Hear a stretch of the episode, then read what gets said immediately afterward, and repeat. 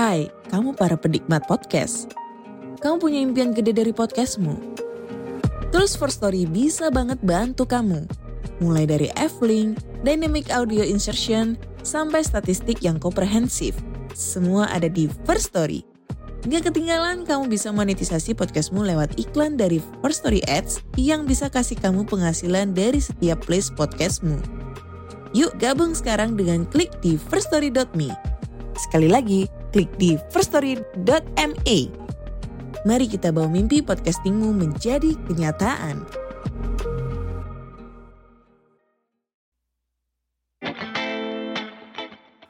Oke, mulai. Halo semuanya. Halo juga, halo. Balik lagi di sebuah podcast filsafat ya. Dan kita masih lanjut membahas filsafat timur.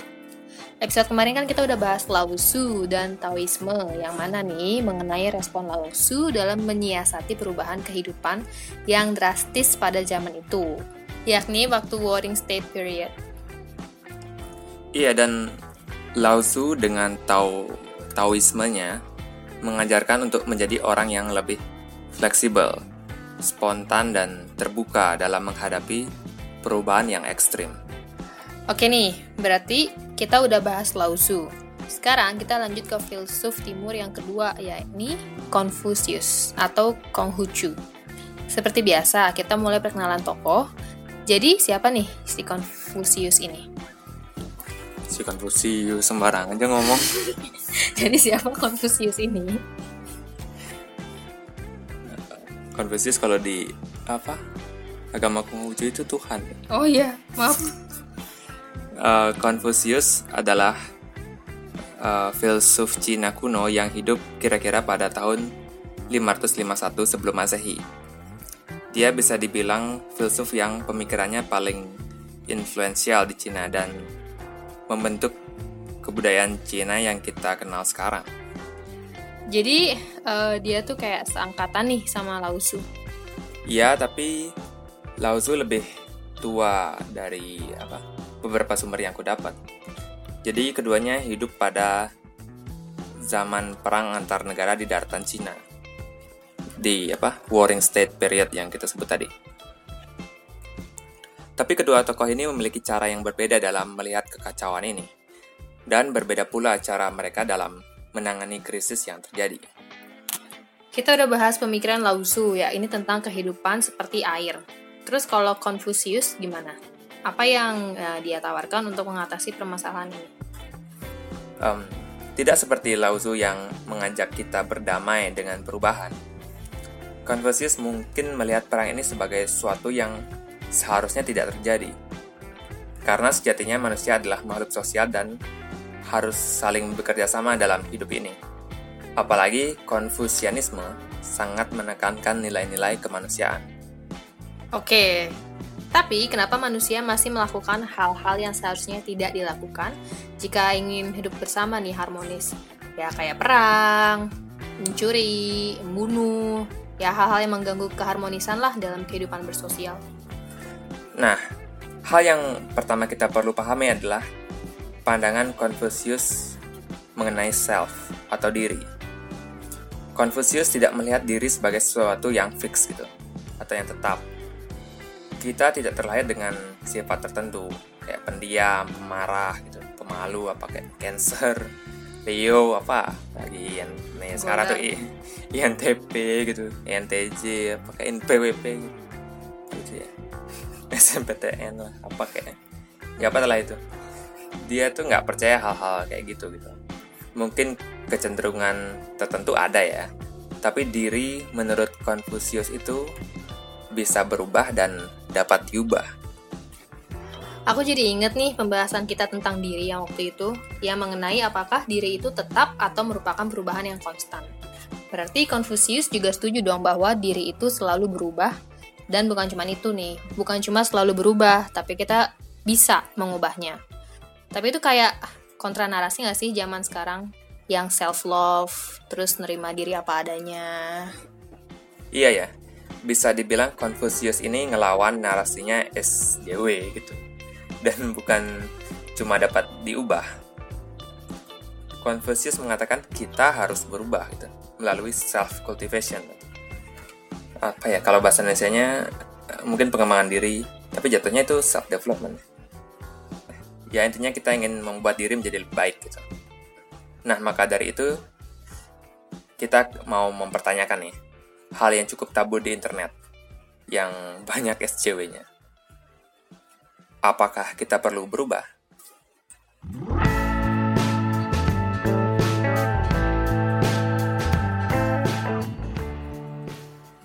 Hati-hati loh, ntar kamu diserang SJW. enggak lah. Ini kan enggak terkenal terkenal amat. Dan lagian aku cuma bercanda ya. Aku nggak ada maksudnya apa ngejak SJW dan kita nanti akan membahas eh, apa ke SJW-an dan konfusianisme. Gitu tapi pasti belakang-belakang aja. Berarti kita lanjut dulu nih tentang kenapa kita harus berubah menurut Confucius. bukan harus berubah sih. Lebih tepatnya adalah berusaha menjadi lebih baik. Terus pertanyaannya bagaimana cara menjadi lebih baik kan nah karena Confucius percaya diri itu tidak tetap berarti kita bisa melakukan latihan diri atau self training melalui disiplin kerja keras edukasi dan apa konsistensi gitu ya ya typical self development gitulah Oke, emang kita harus jadi lebih baik nih. Tapi sifat atau karakter apa yang Confucius harapkan untuk kita dapat tuju atau kita dapat capai? Hmm, sebelum itu aku mau kasih tahu kebanyakan pemikiran-pemikirannya Confucius itu eh, tercatat di dalam buku yang bernama The Analects, yang berarti apa? Kitab kata suci gitu kayaknya. Atau mungkin gampangnya kayak kumpulan kata-kata, pemikiran dan apa kutipan-kutipannya Confucius gitu. Dan di dalamnya dia mengatakan bahwa ada dua tipe orang, yakni Junzi atau yang berarti orang orang yang di atas orang lebih tinggi gitu bisa juga manusia yang terhormat gitu. Dan yang kedua yakni Xiaoren atau orang rendah orang bawahan gitu. Dengan pemikirannya yang tertutup gitu. Btw istilah-istilah dalam bahasa Cina ini nggak apa-apa kalau lupa gitu ya. Yang penting kamu ngerti ide pokoknya. Soalnya nanti makin banyak gitu apa kata-kata Cina. Oh, berarti kita diharapkan untuk menjadi seorang junsi atau manusia kelas atas lah ya. Terus karakter apa yang ada pada seorang junsi? seorang Junsi J apa C kok C Junsi kayaknya nggak tahu gitu? Tahu dari mana kamu? Dari Lapset. Iya? Iya, kayaknya sih. Ya ada Junsi. Seorang Junsi dalam Konfusianisme diharapkan untuk memiliki lima konstanta yang disebut Wuchang. Yakni satu kebajikan atau ren, dua kebenaran atau yi, tiga ritual yang tepat gitu kayak terjemahannya atau disebut li gitu kan. Empat pengetahuan atau zi, Terus yang terakhir 5 integritas Shin gitu. Oke. Mungkin kita perlu jabarkan lebih detail kelima karakter tersebut nih. Oke, yang pertama ya, yaitu kebajikan atau ren. Dan bisa diterjemahkan menjadi kemanusiaan gitu. Secara sederhananya kita bisa bilang ren berarti peduli terhadap orang lain gitu kan. Berarti sifat kedermawanan, sopan santun dalam berkata, dan menghormati orang dari mana pun mereka berasal. Oke, aku harap ini bukan seperti pelajaran budi pekerti ya, dengan ajaran-ajaran yang obvious, kayak bantu nenek nyebrang, jangan bohong, jangan nyuri, jangan selingkuh. Iya, karena kamu ngelihatnya dari kacamata manusia abad 21 sih. Kamu harus ingat ini masa sebelum masehi bahkan. Apalagi situasi perang. Hal-hal yang kamu bilang tadi itu tidak segampang itu mereka pahami. Apalagi untuk manusia yang hidup di peradaban waktu itu ya. Tapi nih, ada satu quotes yang sangat terkenal dan ternyata nih aku juga ya baru-baru belakangan ini tahu sih. Itu ternyata ajarannya Confucius itu yakni The Golden Rule. Oh, itu Confucius yang menyatakan, yang bilang. Oke, bagi yang nggak tahu, the golden rule itu apa? Golden rule atau aturan emas adalah do not do unto others what you do not want done to yourself. Jangan lakukan kepada orang lain apa yang Anda tidak ingin lakukan pada diri Anda sendiri. Mungkin setelah dengar quotes itu ada yang recognize hal tersebut ada di agama atau kebudayaan Anda. Dan emang jangan lakukan kepada orang lain hal yang Anda tidak ingin lakukan kepada diri Anda sendiri adalah aturan yang cukup common gitu di berbagai agama dan kebudayaan. Tapi sejarah mencatat bahwa Confucius lah yang pertama mencetuskan hal tersebut. Tapi bukan berarti dong kalau mereka mengcopy pemikiran Confucius. Ya, mungkin aturan itu muncul dari common sense saja gitu kan. Jadi, oke okay, kita lanjut nih. Poin yang kedua yang, yang juga terlihat obvious gitu ya, yang cukup jelas gitu. Yakni yi atau kebenaran. Bisa juga diterjemahkan sebagai keadilan. Terus kalau kamu bilang itu hal yang cukup jelas juga, tapi menurut raja zaman dulu itu mereka nggak bakal setuju. Mereka akan bilang, apa itu keadilan itu? Udah amat keadilan. Aku lo raja, aku dapat apa yang aku mau gitu kan. Jadi, jadi kayak kamu bilang keadilan itu sangat obvious ya, nggak juga sebenarnya zaman dulu. Iya sih. Aku salah ngelihat situasinya dari sudut pandang peradaban yang udah modern kayak ya sekarang. Oke, coba nih ya, kita lanjut ke nilai yang berikutnya. Ya, ini ritual yang tepat. Di sini nih aku agak bingung sebenarnya apa maksudnya? Apa hubungannya ritual dengan menjadi manusia yang lebih baik? Ini poin yang penting sih. Bukan lebih penting dari nilai-nilai yang sudah aku bilang tadi. Tapi pentingnya karena banyak orang yang nggak sadar pentingnya sebuah ritual gitu. Apalagi dengan pemikiran manusia yang modern yang menganggap ritual itu udah nggak relevan.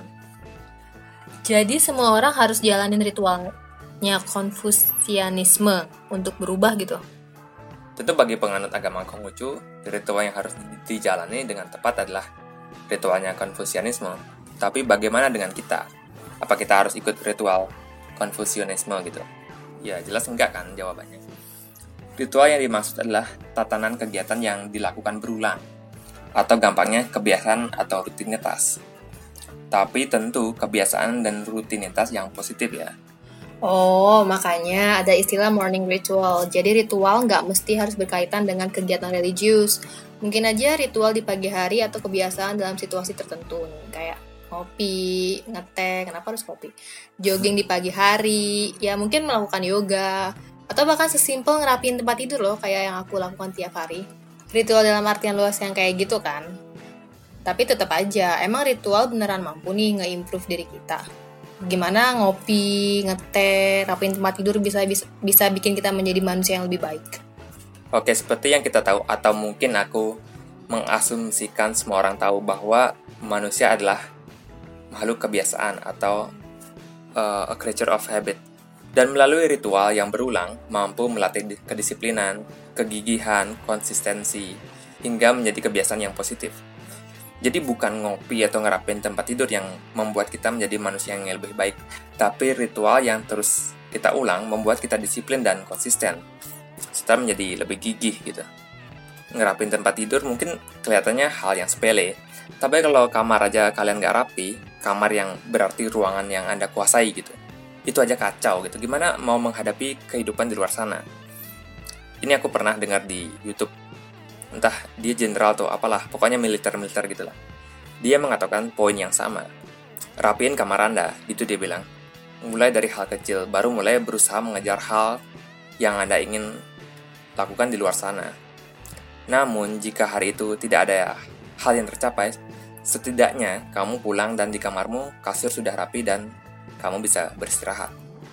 Iyalah, kamu sosok belajar dari jenderal di YouTube. Kan itu aku terus yang ngasih tahu kamu rapiin kamarmu iya kan tapi kan aku dimarah-marahin terus buat ngerapin kasur cuma kamu kan nggak ngerti kenapa itu adalah hal bagus gitu. Maksudnya selain kamar jadi rapi dan enak dilihat tentunya. Jadi gitulah. Ya intinya jadi orang tuh jangan jorok jangan berantakan. Ya udah kita ke poin yang keempat aja. Yakni isi atau knowledge atau pengetahuan atau bisa juga berarti kebijaksanaan oke nih Emang manusia perlu menjadi bijaksana, tapi gimana caranya? Ya gampang bilang 5 karakter ideal yakni yang tadi 1, 2, 3, dan lain-lainnya. Tapi gimana bisa mencapai kelima karakter yang ideal itu kalau nggak dijelasin gimana cara mencapainya? Ya tentu cara menjadi manusia yang memiliki pengetahuan yang luas dan bijaksana adalah dengan belajar, sama seperti yang sekarang kita lakuin itu. Dan Confucius sangat menekankan pentingnya edukasi Confucius juga percaya bahwa semua orang berhak mendapatkan edukasi dan semua orang bisa dididik gitu. Karena seperti yang kita bahas di awal, bahwa Confucius percaya manusia bisa berubah. dan harus berubah menjadi manusia yang lebih baik. Dan kamu harus ingat juga bahwa pendidikan zaman itu hanya untuk kalangan atas dan rakyat jelata dianggap terlalu bodoh untuk dididik. Tapi Confucius tidak percaya dengan hal itu. Maka dari itu, Confucius bisa kita anggap memiliki pandangan yang sangat revolusioner gitu tentang pendidikan. Oh, ya jadi kayak mirip Socrates saja yang juga mengajarkan filsafat ke rakyat jelata di pasar atau di alun-alun kota kayak gitu kan. Bahwa filsafat bukan cuma milik kalangan elit, tapi kalangan sulit juga boleh. Dapat dari mana itu Juk? Iya, oke, yang terakhir ya. Yang kelima atau shin, yang berarti integritas. Ada juga yang aku lihat diterjemahin sebagai kejujuran. Tapi intinya, sepemahamanku ya, adalah manusia haruslah bertindak sesuai dengan apa yang ia katakan atau apa yang ia percayai. Manusia yang berprinsip gitu. Dan Confucius sangat menekankan nilai ini kepada para pemimpin. Karena dengan menjaga integritas, yakni melaksanakan apa yang mereka janjikan, akan membuat rakyat menjadi percaya kepada pemerintah. Dan rakyat pun juga turut menjadi manusia yang berintegritas. Ya, jadi kayak penuntasan korupsi misalnya nih, lebih baik dari atas ke bawah, bukan sebaliknya. Mungkin ya, aku bilang mungkin aja nih, biar nggak jadi masalah. Soalnya kita sibuk disuruh kayak anti korupsi dari lingkungan terdekat. Ya lah, kejahatan kita orang biasa paling kan cuma nembak sim gitu kan dan kita kayaknya nggak ngerugiin negara ya yang di atas tuh tunjukin di, kalau kalian tuh nggak korupsi nggak ada yang jadi terima jadi masalah nggak usah dipublish ya dari podcast ini. Udah nih habis. Belum sih aku mau balik lagi dikit ngomongin soal ritual. Kita udah bilang ritual sebenarnya bisa membuat kita menjadi manusia yang lebih baik. Dan ritual bukan cuma sekedar untuk personal growth gitu. Tapi ritual juga bisa. Yang mungkin anak muda zaman sekarang kurang pahami adalah ritual bisa mempersatukan manusia atau ritual bisa menjadi social semen atau pengikat sosial. Maksudku dengan ritual keagamaan apa misalnya kita bisa bonding dengan kelompok agama, budaya atau komunitas tertentu gitu yang kita ikut gitu di dalamnya. Iya ya, soalnya sekarang kita kayak cuma pengen ngelakuin kegiatan yang praktis-praktis aja. Walaupun sebenarnya sih di Indonesia masih banyak kegiatan-kegiatan yang berupa ritual kayak pacara bendera, yel-yel atau jargon kampus dan lain-lain gitu.